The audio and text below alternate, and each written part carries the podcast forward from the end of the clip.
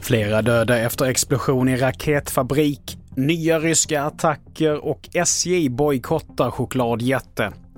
Det här är TV4-nyheterna som börjar med att polisen utreder nu tre fall av misstänkt mordförsök efter skjutningarna i Stockholmsområdet igår kväll. Två personer skottskadades i Solna och kort därefter kom larm om en skjuten person i Jordbro. Där kunde polisen gripa en man som anhölls i morse. Han greps ju då eh, strax efteråt eh, brottet där nere och där har vi ju ett omfattande filmmaterial som har gått igenom under natten. Och i inslaget här så hörde vi Ola Österling som är presstalesperson på polisen i Stockholm. Vidare till Turkiet där minst fem personer har dött i samband med en explosion på en raket och sprängmedelsfabrik under lördagsmorgonen. Det rapporterar nyhetsbyrån AP. Flera ambulanser och brandbilar har skickats till fabriken som ligger i ett område utanför huvudstaden Ankara. En utredning om vad som orsakat explosionen har inletts och enligt AP ska de döda ha arbetat på fabriken.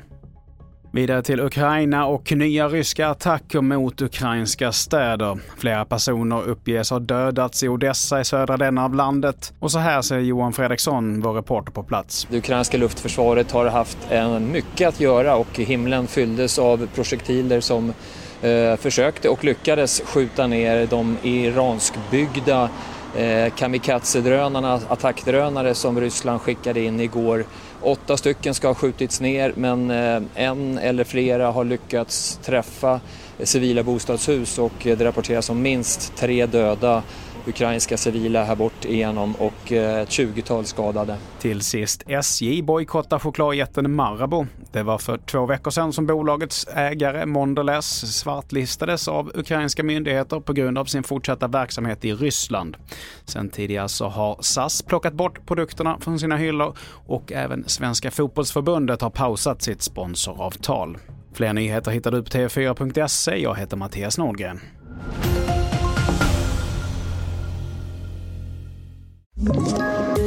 Poddtips från Podplay. I podden Något Kaiko garanterar östgötarna Brutti och jag, Davva, dig en stor dos skratt. Där följer jag pladask för köttätandet igen. Man är lite som en jävla vampyr. Man har fått lite blodsmak och då måste man ha mer. Udda spaningar, fängslande anekdoter och en och annan arg rant. Jag måste ha mitt kaffe på morgonen för annars är jag ingen trevlig människa. Då är du ingen trevlig människa, punkt. Något Kaiko, hör du på Podplay. Därför arkadeinerna.